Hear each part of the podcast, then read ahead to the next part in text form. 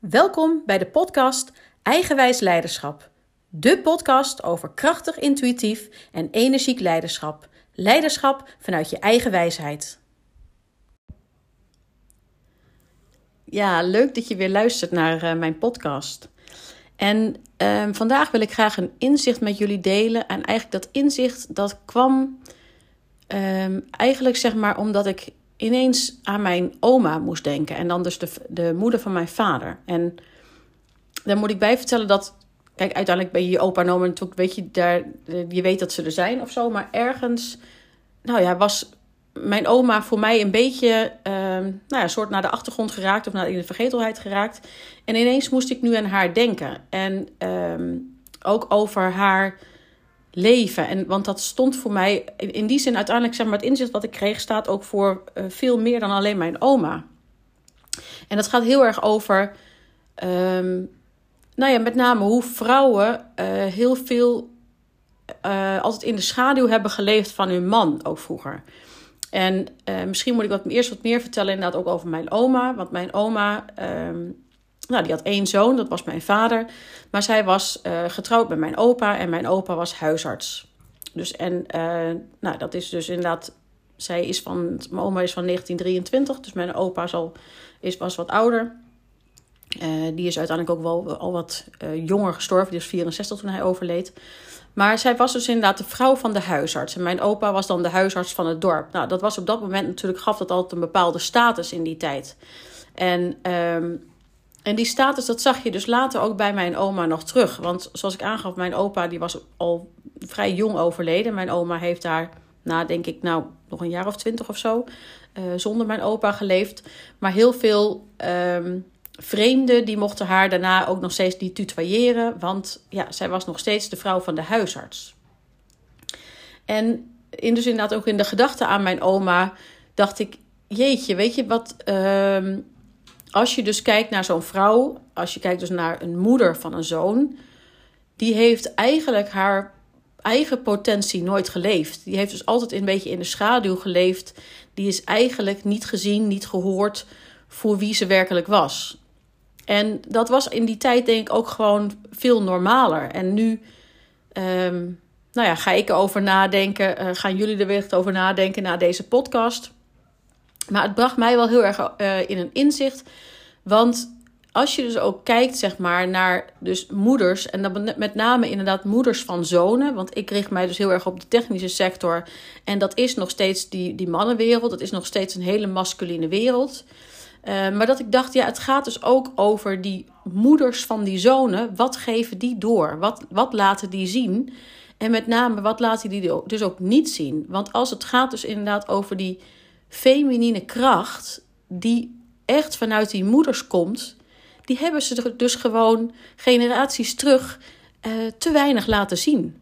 En ik ben van mening dat dat dus ook de sleutel is, zeg maar, naar veel meer dat feminine brengen in, in leiderschap.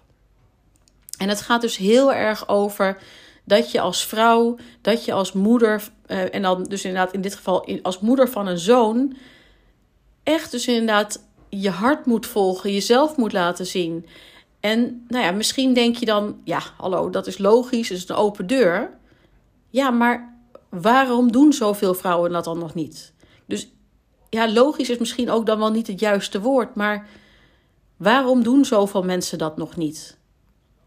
Waarom laat je dus je kinderen niet zien hoe het moet om je hart te volgen? Waarom geef je ze niet een goede voorbeeld? Omdat het dus blijkbaar ook niet zo logisch is. Omdat je uh, dan naar binnen moet kijken.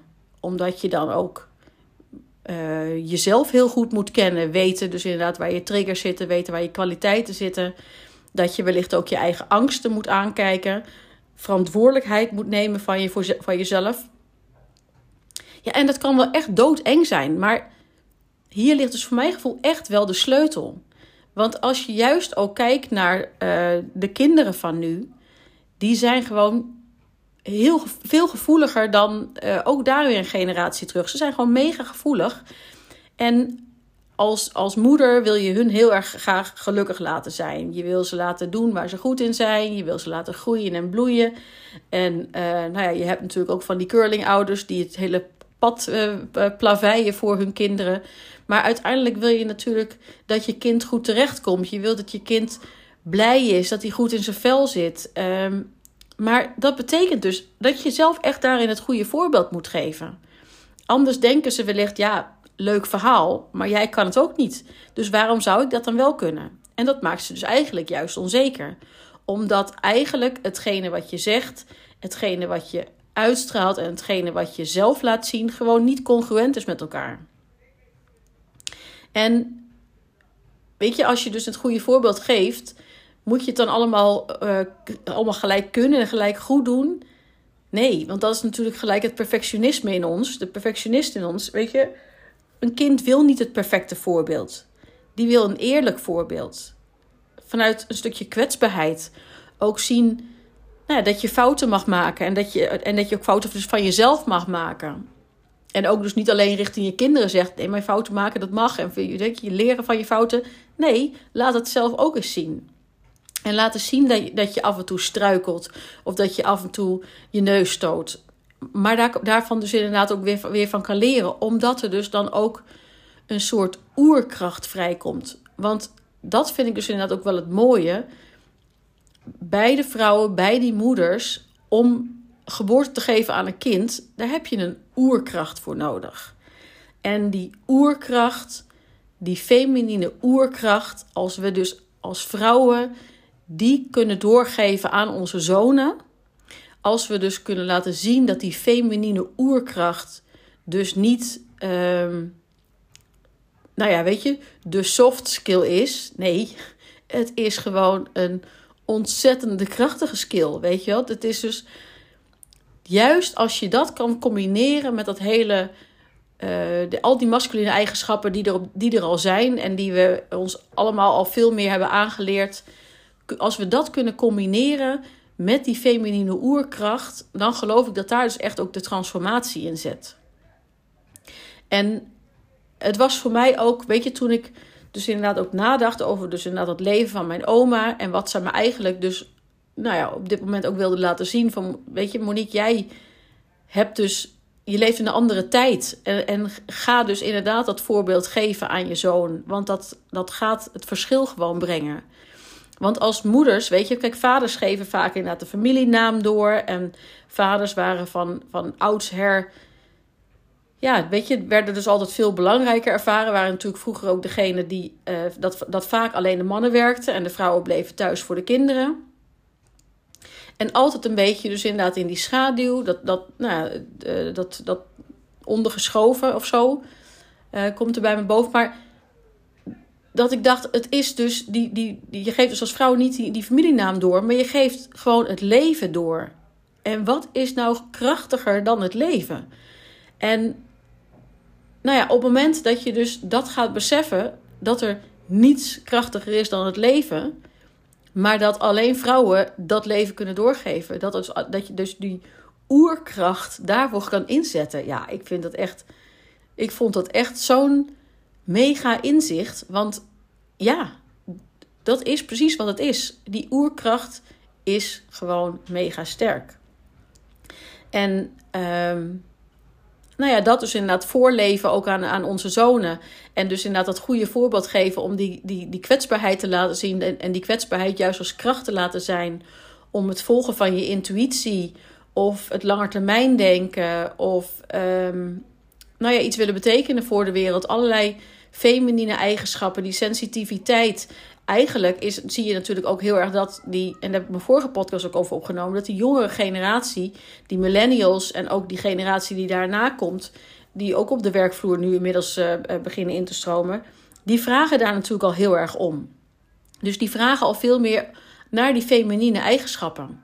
En maar die sleutel zit dus echt inderdaad van ga het gewoon voorleven. Ga het gewoon eerst zelf doen. Ga eerst gewoon met jezelf aan de slag. Kijk die angsten aan. Kijk waar je goed in bent. Ga dat naar buiten brengen. Struikel, val. Uh, nou ja, laat zien dat je niet uh, perfect bent. Ik bedoel, waar, waar er geen kinderen uit een boekje zijn, zijn er natuurlijk ook geen ouders uit een boekje. En ik vind dat inderdaad dat nummer ook altijd zo mooi van. Uh, en in the living years van every generation blames the one before.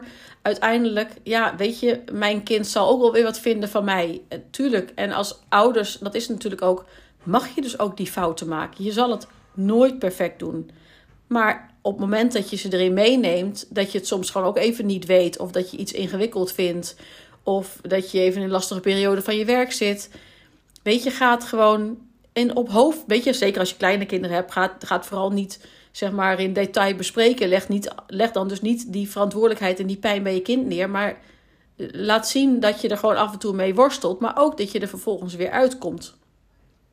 Want nogmaals, die kinderen van nu, die zijn gewoon heel erg, uh, heel erg gevoelig. Dus op het moment dat jij uh, iets anders uitstraalt en iets anders zegt en wat ze voelen, dan ontken je eigenlijk hun intuïtie. En um, terwijl als je zegt inderdaad van, ja, ik voel me nu, e-, zit nu even niet zo lekker in mijn vel, of ik worstel eventjes hiermee, um, dan bevestig je wat zij eigenlijk al voelen. En dat geeft ze dus inderdaad die zekerheid en dat geeft ze het zelfvertrouwen mee. Het zelfvertrouwen dat hun gevoel gewoon kloppend is. Nou ja, dat inzicht wilde ik gewoon eventjes inderdaad met jullie delen. En uh, dankbaar dus inderdaad dat uh, de gedachte aan mijn oma dus ook nu weer, uh, weer voorbij kwam. En dat zij, nou ja, eigenlijk dat die generaties terug, ja, dan was dat normaal. Maar laten we kijken hoe, hoe we met z'n allen een normaal voor deze tijd kunnen creëren. Ja, dat is eigenlijk wat ik, uh, wat ik wilde brengen. Nou goed, misschien denken jullie, oké, nou ja, het is nog steeds inderdaad, uh, uh, het klinkt wat zweverig of het klinkt niet logisch. Maar denk er, eens, denk er vooral eens over na, want dit is echt, um, nou ja, op het moment dat we dus echt die moeders van zonen dit kunnen laten zien, als die moeders van zonen echt hun eigen potentie gaan leven en hun oerkracht gaan laten zien, dan weet ik zeker dat daar echt dus een transformatie in komt in dat leiderschap. Dus laat me vooral eventjes weten op de socials als je, dit, als je deze podcast luistert, wat je hiervan vindt. Want volgens mij zit hier echt een hele krachtige boodschap. Nou, voor nu wens ik jullie een hele fijne dag. Doei! Vind je het leuk om me verder te volgen? Anders gezegd, wil je niets van me missen? Abonneer je dan op mijn podcast. Ik ben sowieso erg benieuwd wat je van mijn podcast vindt en ik zou het enorm waarderen wanneer je een review achterlaat. Tot snel!